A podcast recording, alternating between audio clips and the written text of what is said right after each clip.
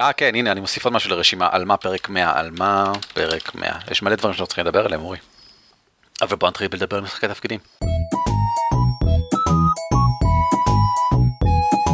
על כתפי גמדים. פודקאסט ישראלי על משחקי תפקידים.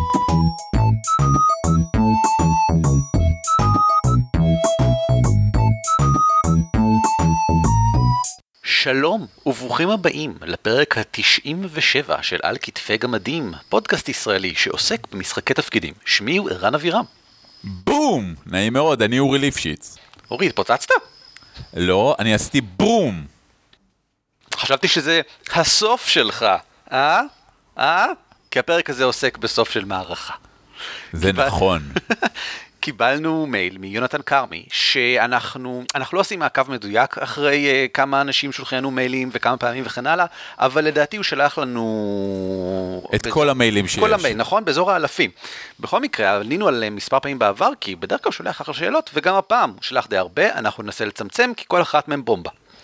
אומר יונתן כרמי, שלום גמדים, מקווה שלא קר לכם מדי במחילותיכם העמוקות. לא, האמת שקר לי פה בלונדון.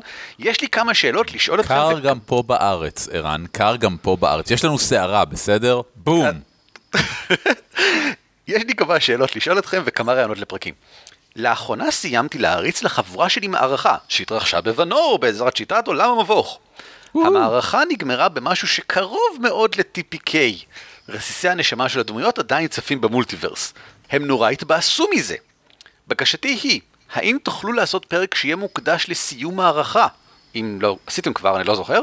לא ואיך- ואיך להתעסק עם מוות של דמויות, גם מבחינה משחקית וגם מבחינה סיפורית. אז את מוות של דמויות נשים שנייה בצד, על TPK דיברנו בפרק ה-TPK, ודיברנו מעט על סיום הערכה בפרק על מתן וקבלת ביקורת, פרק טיפונת, 46. ממש טיפונת. ממש קצת דיברנו על, על פוסט מורטם כזה, מה שעושים בסוף מערכה, בעיקר דיברנו ברמה של החבורה עצמה. עכשיו אני חושב, אנחנו נרצה לדבר על ממש איך המנחה מביא לסיום של מערכה. או איך הוא מתמודד עם העובדה שהשחקנים הביאו לסיומה של המערכה. במילים אחרות, איך סוגרים את המערכה שלך. אתה רוצה לפתוח, ערן? אתה רוצה לפתוח את הנושא? עכשיו, לא רק שאני רוצה לפתוח, אורי, הטענה שלי היא שהסוף תלוי בהתחלה. כמו תמיד. כמו עם ישו, הוא נולד כדי למות עבור חטאינו. אגב, שזה סימן ההיכר של כל סיפור סגור טוב, שכשאתה סוגר אותו ומתחיל לקרוא אותו מחדש, אתה מסתכל על ההתחלה, אתה אומר, אה, אוקיי, זה היה בלתי זה, נמנע. כן, אוקיי, כן. זהו, זה, זה מוביל לזה, זה הגיוני. עכשיו, אני חושב, כשכמו הרבה דברים במשחק תפקידים, יש בגדול שתי גישות מרכזיות. הראשונה היא, אנחנו נתחיל ונפתח מזה באופן אורגני את הסוף, ובסוף, כשנסתכל על ההתחלה, נראה שזה בל... שהסוף היה בלתי נמנע, אפילו שכשכתבנו, כששיחקנו את ההתחלה, לאף אחד לא היה מושג מה הוא יהיה. שזה זה עובד אם פשוט כל דבר הוא תוצאה של משהו שקדם לו. כן, ולא כן. דברים הונפצו ישר יש מאין. והאפשרות ההפוכה הגמורה, אה, לתכנן מראש את הסוף, כך כמובן שהסוף ידוע מהרגע הראשון, אה, בהגדרה. ואני חושב שזה בתכלס ההבדל בין אינדוקציה לדדוקציה גם כן, אם אנחנו קצת פילוסופים, אבל נשים את זה בצד. בכל נשים את זה בצד. אני רוצה להבדיל בין, בגדול אם ככה, אה, שתי הגישות האלה ולדבר טיפה על כל אחת, ואז אתה כמובן תגיד שאני טועה ונרחיב ויהיה נחמד. אוקיי. אתה אז- טועה, אבל בוא נתחיל. בוא נגיד שאנחנו משחקים את ה sandbox האולטימטיבי, ארגז חול, אתם מסתובבים ועושים דברים, ואין לי מושג מה ובוא נזכיר. לשומעים שלנו שמשחק sandbox או ארגז חול אומר שאנחנו לא קובעים דברים מראש. אה, אם יש אה, מגדל נטוש, יכול מאוד להיות שיש שם דרקון, למרות שזה לא לדירוג קושי של השחקנים ובבירור ימותו אם הם ילכו לשם, אבל זה sandbox, זה לא מתוכנן סביב הדמויות. המנחה לא בנה עלילה שמותאמת לדמויות, או איזושהי עלילה בכלל, הוא רק בנה מקום. ושם בו דברים, והדמויות פשוט מסתובבות בו. כמו ארגז חול, אתה פשוט בונה את מה שאתה רוצה.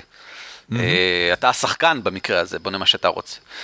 אה, במקרה כזה אין סוף. זאת אומרת, זה כאילו, אתה יודע, מערכת ה-D&D הקלאסית. משחקים והמשחק אף פעם לא נגמר. ככה מכרו לי את זה כשאני הייתי צעיר. אה, אין סוף, כי שום דבר, אין עלילה, אין שום דבר שיסתיים. אבל מתישהו, פרקטית, המשחק יסתיים. אז לסוף הזה, אני חושב, אמ, גם אפילו לזה יש חוקים מסוימים, לסוף הלא קיים הזה. משחק שהוא סנדבוקסי לחלוטין, אתה לא עוצר סתם. המקום הנכון לעצור אותו לדעתי, זה אחרי שיא. זאת אומרת, למשל, הבכנו את הדרקון הזה. ואז, וסיימנו, וכאן סיימנו את המשחק. אה, אני מניח שהסיבות לסיים את המשחק הן לוגיסטיות, כן? כי מסיבות שונות החבורה מתפרקת, כן, השחקנים לא יכולים, אחרת שוב, הם פשוט ימשיכו אותו לנצח. אבל בהנחה וישנן סיבות חיצוניות כאלה, או- משחק או ראוי פנימיות. לסיים בשיא. או פנימיות, או פנימיות. הגעתם לדרגה 20, אה, נכון. הגעתם למ- לאותה, לאותה פעולה שהיא הייתה מטרת העל של הדמויות, אתם מרגישים שהדבר מיצה את עצמו, שזה סוגר את כל העניינים יפה, סבבה. מסכים לגמרי. בכל מקרה, מצא את השיא והפסק אחריו, ו- ואותו כלל כמובן נכון גם למקרה הפוך לגמרי, סיפור מוגדר כלשהו. הדוגמה הכי בולטת, אני חושב, מחיינו כרגע זה מסלולי הרפתקאות. סדרה של שש הרפתקאות שאנחנו משחקים, אה, של פייזו, אתה משחק אחת, אני משחק אחרת, והם כמובן סיפור מוגדר מראש, זה הרפתקאות שנכתבו. ואיך שאתה מתחיל את ההרפתקה הראשונה, מי שכתב אותן כבר ידע איך תסתיים השישית, אז הכל לפי הסדר, לפי הספר כמעט. וגם שם, בסוף כמובן, הוא שיא, פשוט שם זה שיא שתוכנן, זה לא שיא שתפסנו באופן אקראי מתוך המשחק. אה, הסוף הזה, לעומת זאת, הקטע העיקרי איתו כמובן שהוא דורש מלא, מלא מלא, מלא מלא תכנון.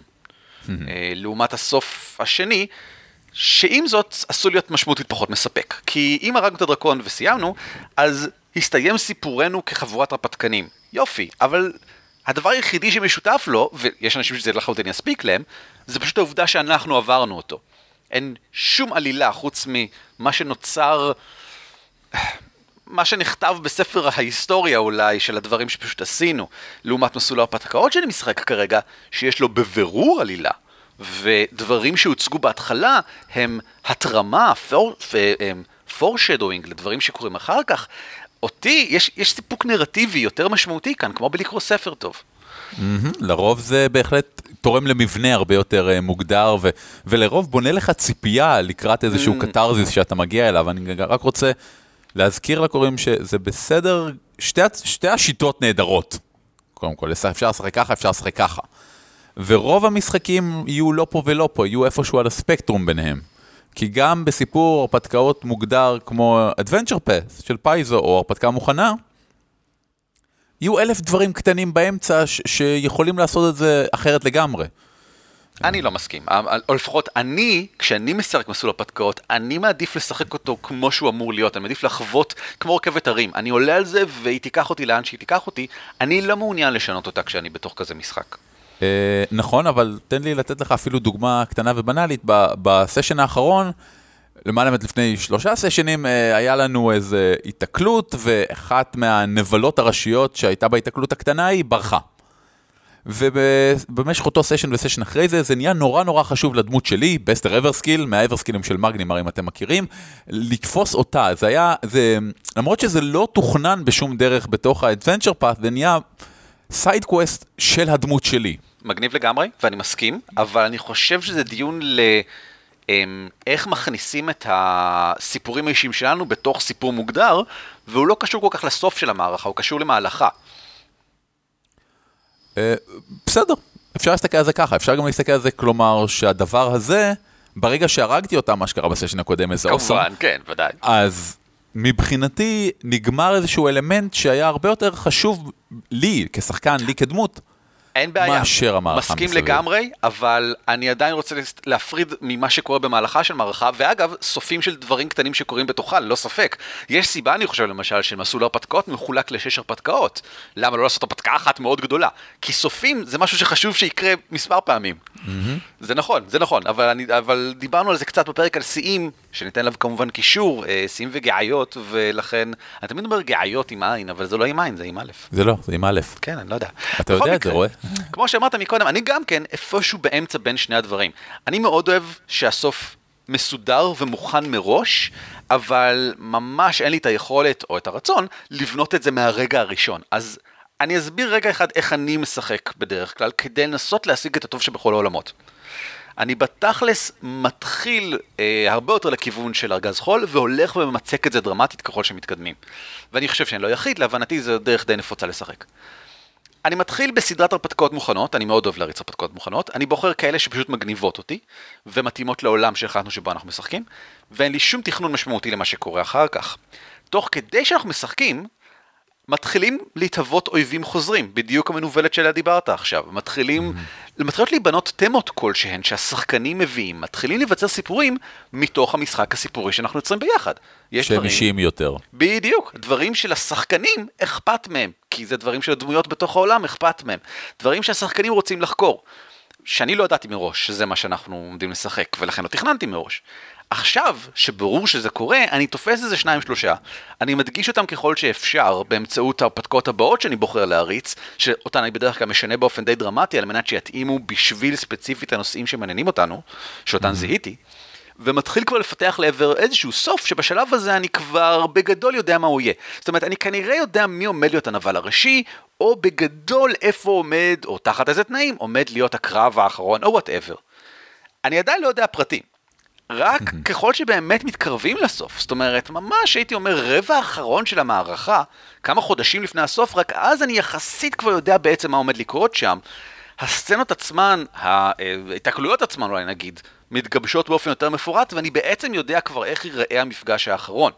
עכשיו, בתור חובב הפן הדרמטי מוגדר, אני כן אוהב למשל שהסיום הוא כמו שתכננתי. זאת אומרת, אני די אדאג בשלב הזה כבר, אני כבר דואג כבר זמן מה, אבל בשלב הזה אני דואג כבר באופן יותר ויותר מוצק, שהחוויה שיעברו השחקנים היא כזאת שאני מתכנן, והרבה דברים שמקודם אולי לא נראו כמו התרמות, אני הופך אותם להתרמות. בדיעבד, שזה הטריק הכי מלוכלך של מנחה, כן, בטח, תמיד, מה, כשהוא אמר לכם לא להיכנס למערה, הוא התכוון לזה כמובן. אה, ברור. ברור, כן, זה- לזה בדיוק הוא התכוון. חפץ הקסם הזה, שרק עכשיו אתה מגלה שבעצם יכול להשמיד את הנבל הגדול שהיה לך מתחילת הדרך, כן. ברור, ברור שאז חשבתי, כן. זה לא שעכשיו נתתי לו את החולשה הזאת שבדיוק מתאימה לחפץ שקיבלת. הכוח הזה לעשות דברים בדיעבד הוא מאוד חשוב, ואחד מהדברים שעוזרים לי בסדרות ההרפתקאות האלה, באמת, לוודא שדברים בהתחלה מתרימים את מה שקורה בסוף, זה אם אני יוצר בכוונה אה, קרסים בהתחלה. שלא מוסברים עדיין. אני אומר, כן, על החרב הזאת יש רונה מסתורית, ולאף אחד אין מושג מהי, ואף גלגול ידע לא מצליח למצוא מהי, אה, כי גם אני לא יודע, אף אחד לא יודע עדיין, אבל איפשהו באמצע המערכה אנחנו מגלים מה זה, כי זה, עכשיו זה מתאים לי, שהחרב הזאת שאצלך מההתחלה, תהפוך בעצם משהו שתמיד היה מטרים ל-X כלשהו. אה, שזה הטריק הכי מלוכלך של מנחה, אבל אני חושב שזה מעולה, זה יצירה דרמטית בדיעבד כזאת. כן, זה גם אה, טכניקת אימפרוב מאוד ידועה, אבל אה, סיימת? כי אני רוצה להסביר למה אתה טועה בכל מה שאמרת. אני סיימתי, זה היה הסוף הדרמטי הטוב ביותר שיכולתי לתכנן. בבקשה, כן. אמ, טוב, אני חייב להגיד שאני לא מריץ כל פעם אותו דבר. יש, היו קמפיינים שהרצתי, סליחה, מערכות. היו מערכות שהרצתי בדיוק כמו שאתה מתכנן, הרפתק, כמה הרפתקאות מוכנות, ו- ולהתקדם לאט לאט למשהו שהוא נבנה ממה שהיה. היה בדיוק להפך, הרפתקה, sandbox מוחלט שנתתי לדמויות להשתגע בפנים, ואז אה, לאט לאט אה, עשיתי להם railroading להרפתקה הסופית שהייתה מאוד מתוכננת, ויש דברים שהם היו לחלוטין לא זה ולא זה. אה, יש לי הרפתקאות שאני כן מתכנן מראש, כלומר כשמישהו מקבל חרב עם רונה מסוימת בהתחלה, אה, זה, אני יודע שזאת תהיה החרב עם הרונה שתהרוג בסוף את הווילן, או תוכל לפחות. שזה נהדר בעיניי, כי אם היא הולכת לאיבוד באמצע הרפתקה, אני לא משנה דברים בדיעבד.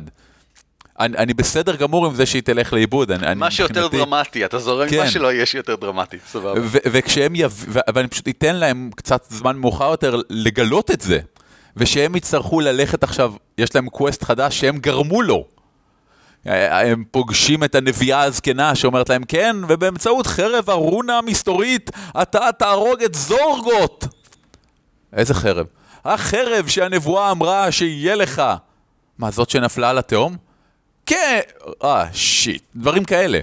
ו- ואני נורא אוהב את זה, כי זה מבחינתי איפה שיש לך את ה payoff, את ההשתלמות של זה שתכננת משהו מראש. אני אבל אישית מאוד לא אוהב לדעת איך ההרפתקאות שלי יסתיימו. אני, יש לי כמה רעיונות, יש לי את הסיום האולט, האולטימטיבי, שהוא מבחינתי הכי דרמטי ויפה, והוא לרוב זה שאני מכוון אליו מההתחלה, אבל אם הדמויות יגלגלו דברים אחרים, אני אתן ובכיף אקח את זה לדברים אחרים. אני, אני לא מוכן לספיילר לעצמי את סוף ההרפתקה שאני מריץ. אוקיי. עד כדי כך. אוקיי. זה, פה אנחנו באמת מאוד שונים אה, בגישות שלנו, אם כי כמובן, וכמו שאמרת, איך שהתחלת לסייג את דבריך, זה מאוד יפה, זה מאוד תלוי בשיטה. אם אני משחק למשל אה, ואנור, כל הקטע שם זה באמת לא לספיילר לעצמך, זה אחת מההגדרות שם, זה לשחק כדי לגלות מה קורה. וגם שם, בעוד שיש, למעשה אתה חייב כמנחה, אתה ממש נדרש לכתוב איזשהו שלד של מה אתה מצפה שיקרה, כל הרעיון הוא לגלות את זה ביחד. Mm-hmm. במשחקים נגיד כמו פאת'פיינדר, או אם אני, אם אני אתחיל עכשיו מערכה של העידן ה-13 או של מבוכים ודרקונים 5, אני בפירוש לא הולך לכיוון הזה, אני אתכנן הרבה יותר.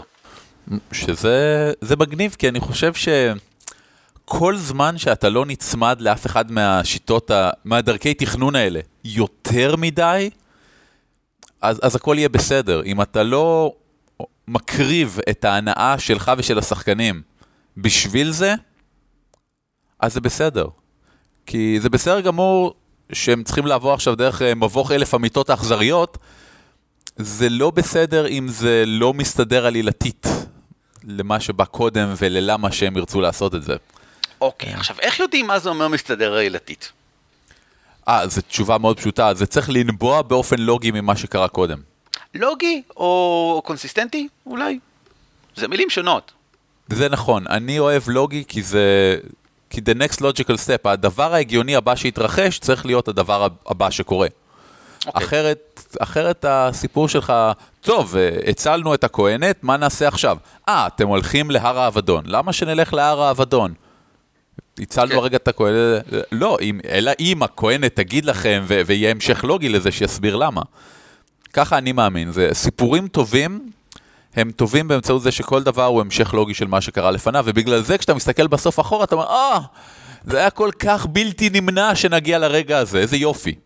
כי זה בעיניי לפחות, וגם באימפרוב, אה, כשאתה על במה, הטעות הכי נפוצה שיש, זה שהסוף לא יהיה המשך לוגי של הדברים שהיו עד כה. זה... זה... זאת אומרת, זה אה, בעצם ו- נובע ממה שאמרת הרגע, זאת אומרת, זה כן, זה- זה אותו היפוך של. אותו כלל, כן. אמ, אני אגיד לך ככה, אני בהרבה משחקי כנס ששיחקתי, אחד מהדברים הכי מבאסים שיכולים להיות, זה אתה משחק, אתה משחק, אתה משחק, אתה משחק, ואז אה, חצי שעה לפני הסוף הזה, פתאום נכנס וילן חדש לגמרי שמעולם לא פגשת, מעולם לא שמעת עליו, מסתבר ואמור שהוא... להיות לך אכפת ממנו.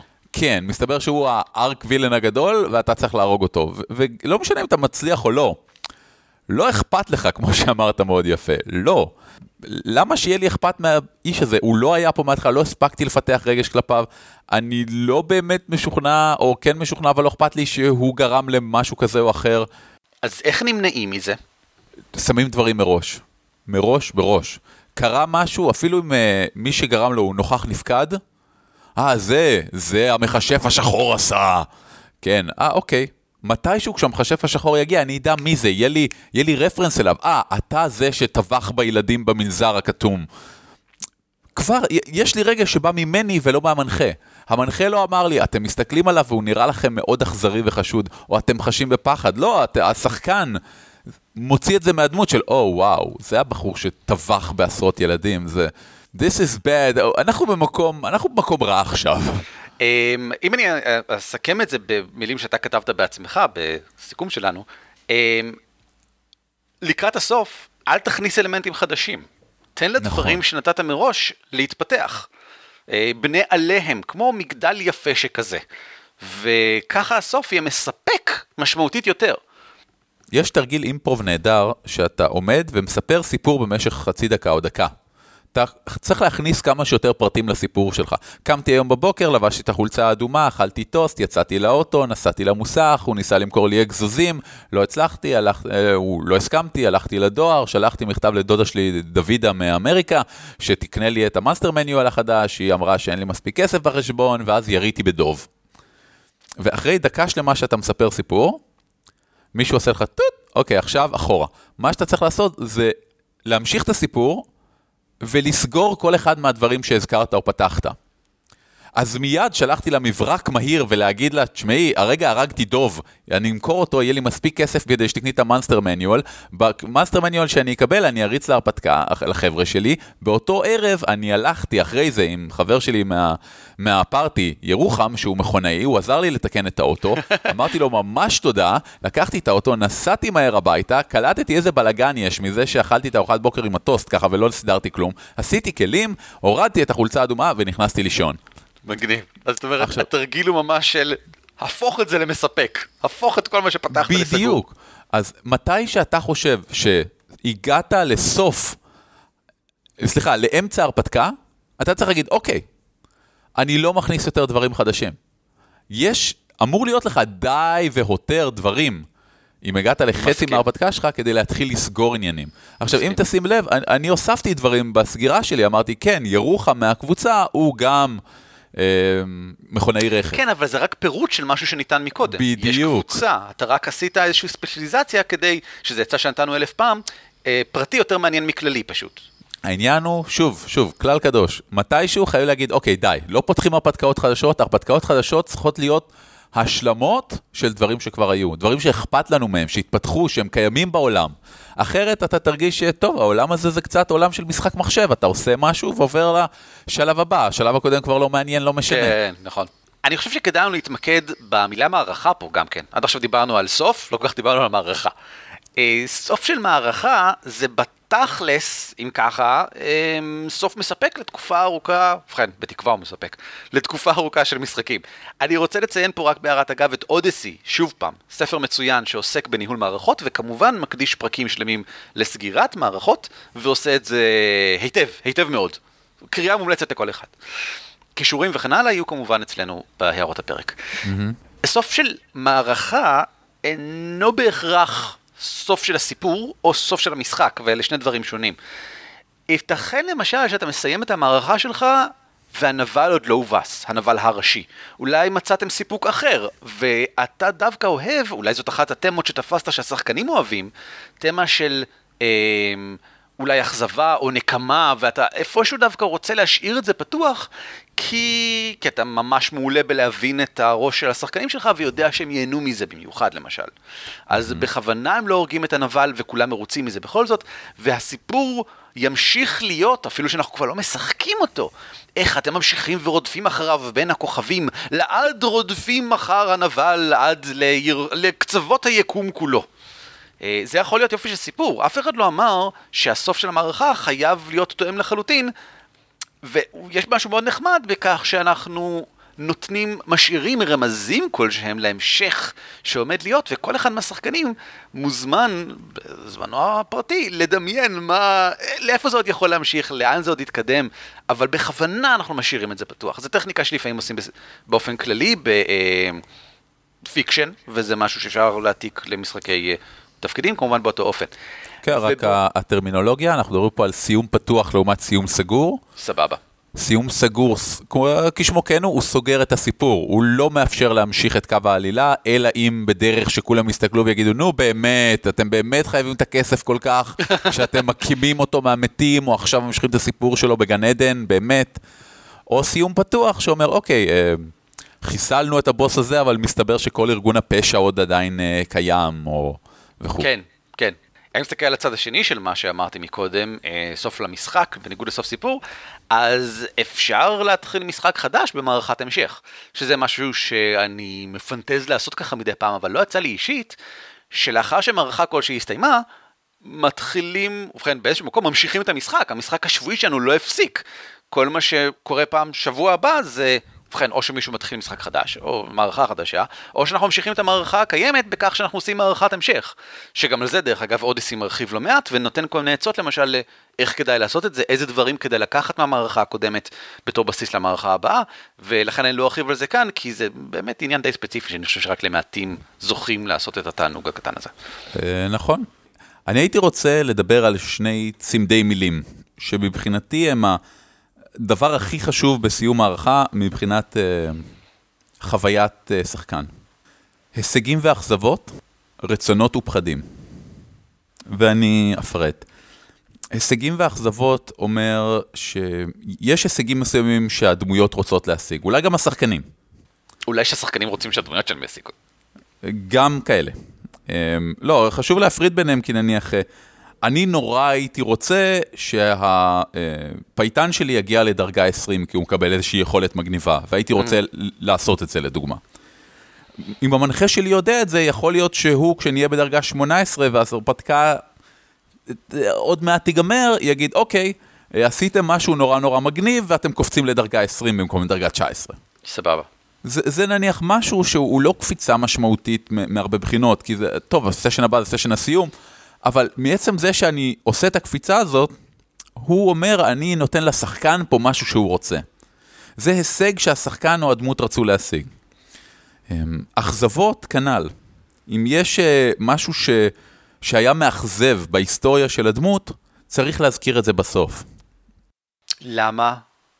כי זה הפי-אוף, כי זה מה שגורם mm. לזה להפוך להיות חשוב. אה, במערכה שאנחנו שיחקנו, הדמות שלי, שונן, היה יתום שברח אה, מזנדריק היבשת האבודה, והוא סיים את ההרפתקה הספציפית ההיא בזנדריק כקיסר. האכזבה הזאת שהוא נחל בילדותו כבורח חסר כוח משם, זה בדיוק מה שגרם לכך שהסיום הוא שהוא מגיע לשם רב עוצמה. האכזבה הזאת הובילה לסיום. במובן הזה זה נראה מאוד ברור. אתה לוקח צעד אחורה ואומר, אה, אוקיי, אבל זה לא חייב להיות משהו כזה גרנדיוזי. זה יכול להיות בסדר, אותה דמות שהביסה אותי פעם שעברה, שלא הצלחנו להרוג אותה והיא ברחה, אז בסיום היא הופכת להיות הנצ'מן חדש של אה, הבוס הגדול שרדפנו אחריו כל הזמן. או הוא במקרה גם שם, אה, גויס להילחם בנו. אז פתאום האכזבה מהעבר מקבלת יתר משקל, ויש לי הזדמנות גם להתגבר עליה. סבבה. רצונות ופחדים, יש דברים שאנשים רוצים ודברים שהם מפחדים מהם. שניהם צריכים לבוא לידי ביטוי. היה לי שחקן פעם ששיחק אה, סיוני, והוא מתישהו, כשרק התחלנו לשחק, אמר שאחד מההשראות לדמות שלו זה אה, משהו, אני חושב שזה היה מ Predator, שהוא יכול להיות כזה כמו invisible, ולשנות את האור שלו וכזה, ויש איזו יכולת כזאת של חפץ קסם של סיונים, whatever. ו... סיונים. סיונים. כן. ושנתיים אחרי שהוא אמר את זה, נתתי להם למצוא לפני הקרב הגדול את החפץ הזה. לא כי זכרתי את זה, אלא כי עברתי על הרשימות שלי והיה רשום ליד הדמות שלו, שזה אחד הרצונות של השחקן עבור הדמות. אז אמרתי, אוקיי, יש לנו עוד שני סשנים, בסשן הזה אני אתן לו לקחת את זה וליהנות עם זה קצת. פחדים, אני מתכוון שאם יש משהו שהקבוצה מפחדת ממנו, הוא חייב לקרות. הוא חייב להתממש, ואם הוא מתממש בסיום, זה יהפוך את הכל ליותר דרמטי.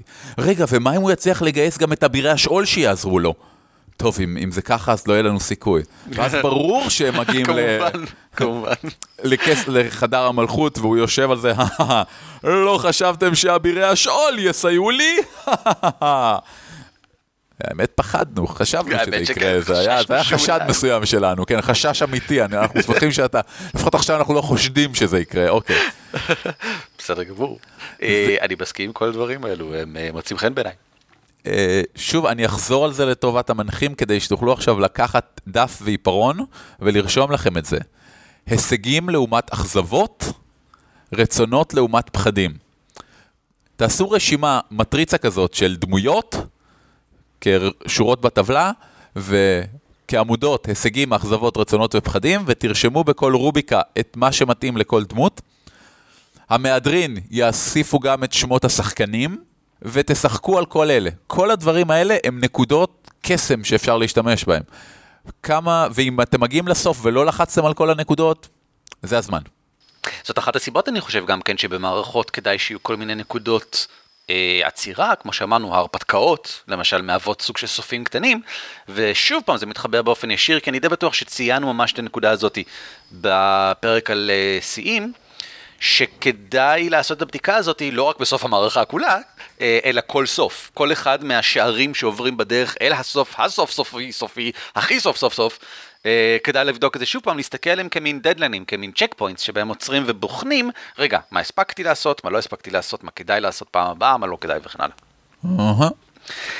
לגבי סוף, עד עכשיו דיברנו על סוף מסודר, סוף כמו שצריך, איזה יופי סוף, מתכננים סוף, אבל מה אם התחלנו לשחק, שיחקנו חודשיים, ומתחיל להתמוסס לנו. מעקב סיבות שהן לגמרי טכניות. אה, אי אפשר להגיע, מסתבר שלא כולם יכולים להיפגש בשעות שרצינו, מסתבר לא יודע מה. אתה יודע מה, אפילו אם הסיבות הן סיבות יותר קקי, כמו מסתבר שאף אחד לא נהנה מהמכניקה של השיטה שבה בחרנו. חבל, אבל גם זה יכול לקרות.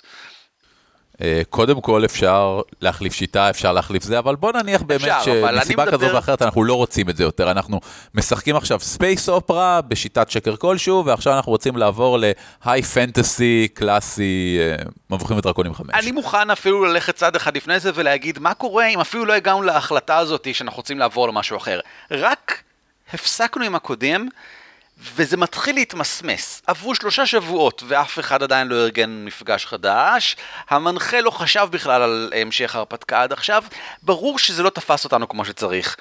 אפילו השלב הזה, הוא, אם אף אחד לא תופס ומרים אותנו, זה סוף המערכה. זה נכון.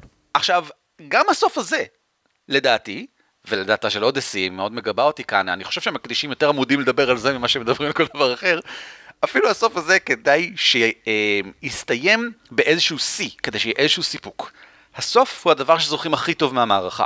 זה בגלל שבאופן כללי אנשים נוטים לזכור הכי טוב את הסוף של דברים ולא את מהלכם. אז כדאי שכשתחשבו עליה שוב פעם בעוד שלושה חודשים, מה שתזכרו זה את השיא, איזה, איזשהו שיא, אפילו אם זה שיא מאוד קטן, סיימנו את המבוך, אה, הגענו לקומה חדשה, לא צריך משהו גדול, רק אל תעצרו באמצע הקרב עם האורקים. איזשהו משהו כדי שזה מה שתזכרו, ולא את עצם העובדה שהתמוסס לכם. תזכרו שהיה סיפור שנקטע באיבו, אולי, אולי משהו מגרה להבא, אף אם זה לא, אז לא, לא, לא נורא, אבל העיקר הוא לא להרגיש תחושה של החמצה, להרגיש איזושהי תחושה של פספוס, איזושהי תחושה של אשמה, שאנחנו לא המשכנו את זה כמו שצריך. כל מיני תחושות שאין שום, שום סיבה שתרגישו מהתחביב שלכם. אני, אני הייתי בוחר מילים אחרות מהמילים שאתה השתמשת בהם, אבל כן, אין, אין ספק שאם משהו פשוט התמסמס ונעלם, אתה תמיד נשאר עם הטעם הזה של, טוב, אולי יכל להיות, אולי אם היינו משקיעים יותר, אולי אם היינו פה, אולי אם היינו שם. אה, לעומת זאת, אם אתם כן עושים את המאמץ כדי לסגור משהו יפה, הוא, הוא משהו שכן אפשר לשים על המדף ולשכוח ממנו, הוא לא, הוא לא משאיר משהו אה, רע שממשיך איתך. ופה אציין, בהערה צדדית, שבאופן כללי כל מפגש כדאי לסיים באיזשהו שיא קטן. ואף פעם לא לסיים באמצע קו עם אורקים, אם אפשר להימנע מזה, אבל אני חושב שזה משהו שהחדרנו מזמן לראשו של כל מנחה, וכל מנחה איפשהו מודע אליו ברכתי הראש בכל מקרה, אז... כן, לא תמיד צריך. שיהיה משהו שהקבוצה תצפה לו לסשן הבא. בדיוק. שאלה שהופכת את הכיוון. מה...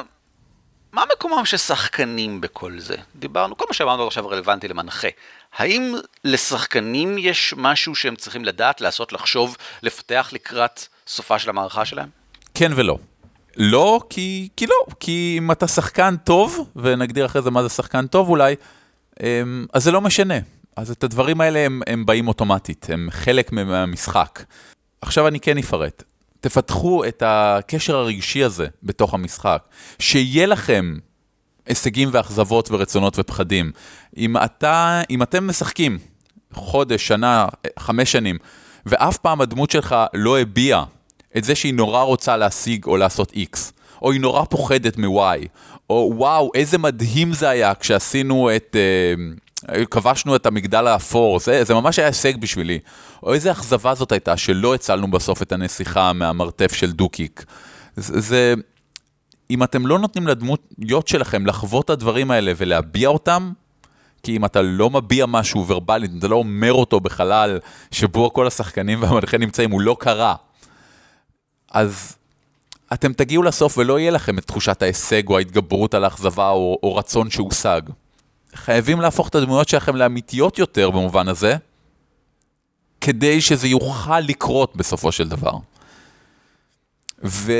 ואם אתם רואים שזה לקראת סוף ההרפתקה, ואתם מרגישים כשחקנים שמשהו פה לא מספק אתכם, לא טוב לכם מספיק, לא בא לידי ביטוי, תגידו למנחה שלכם, תגידו לשחקנים אחרים.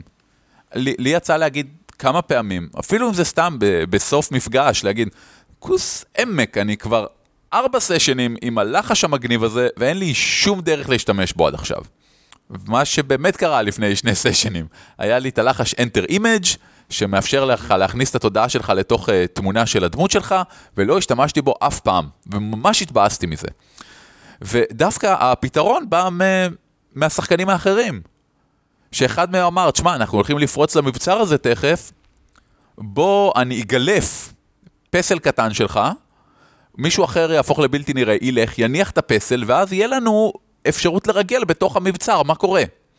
וזה היה מבחינתי, בגלל שהבעתי את האכזבה שלי, מישהו בא והציע לי פתרון. אה, אז זהו, זה, זה מה שמבחינתי השחקנים צריכים לעשות.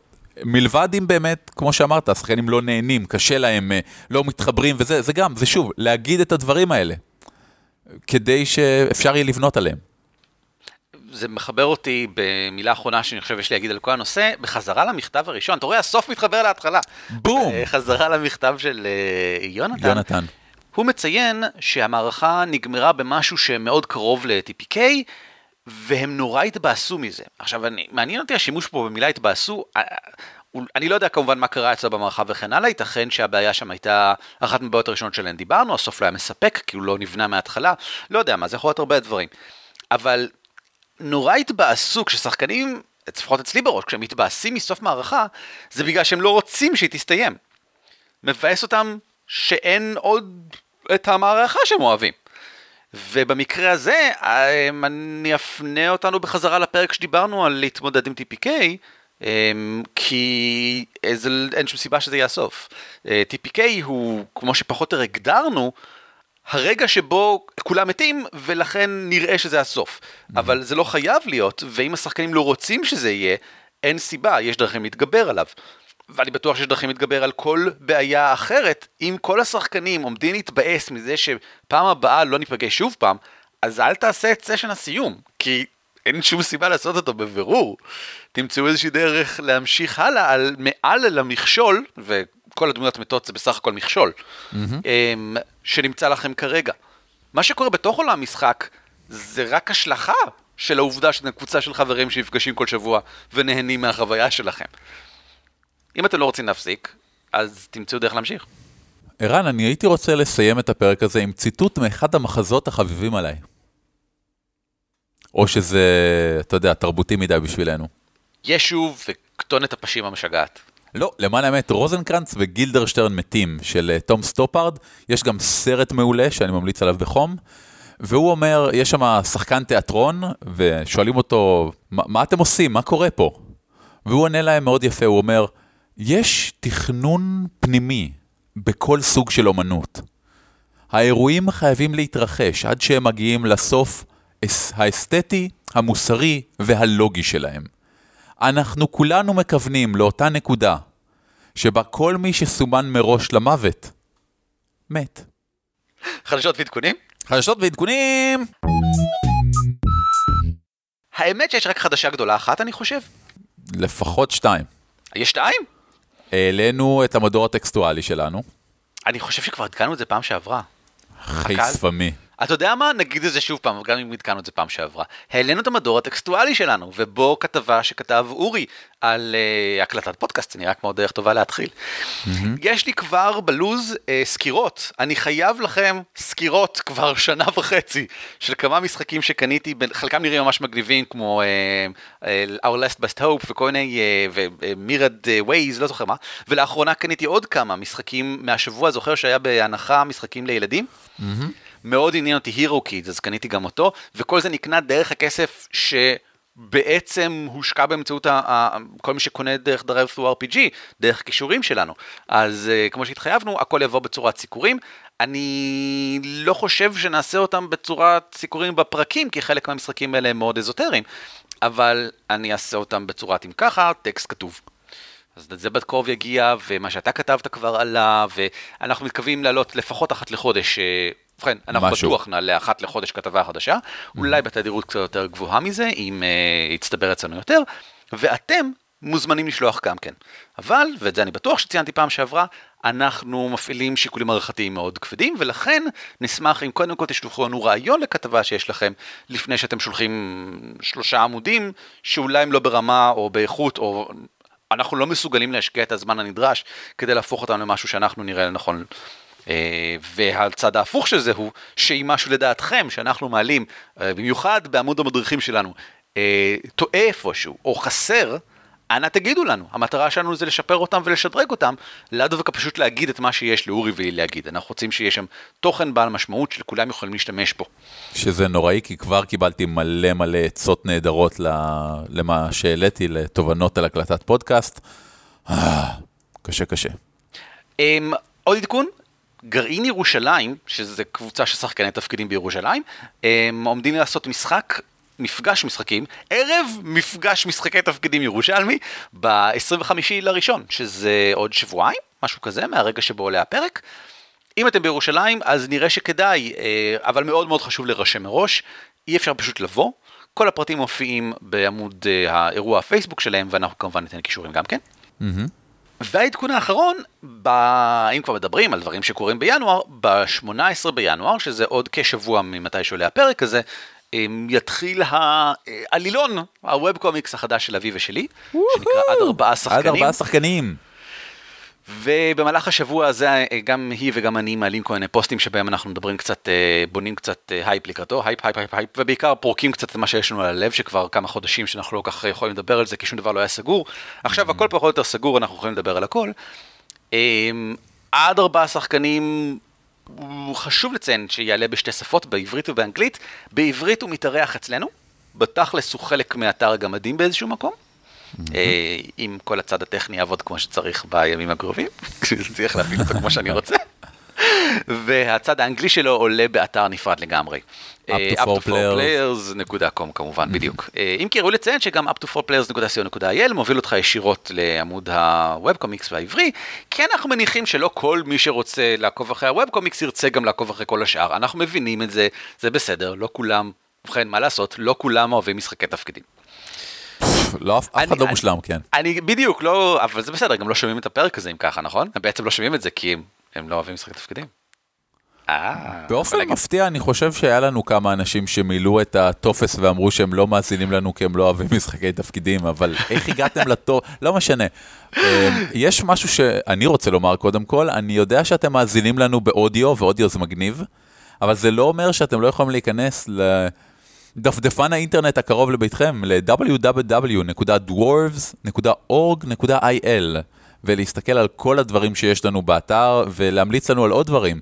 אם אתם רוצים להמליץ לנו על עוד דברים, אתם יכולים לשלוח לנו מייל לגמדים at roleplay co.il ואנחנו נשמח לענות לכם.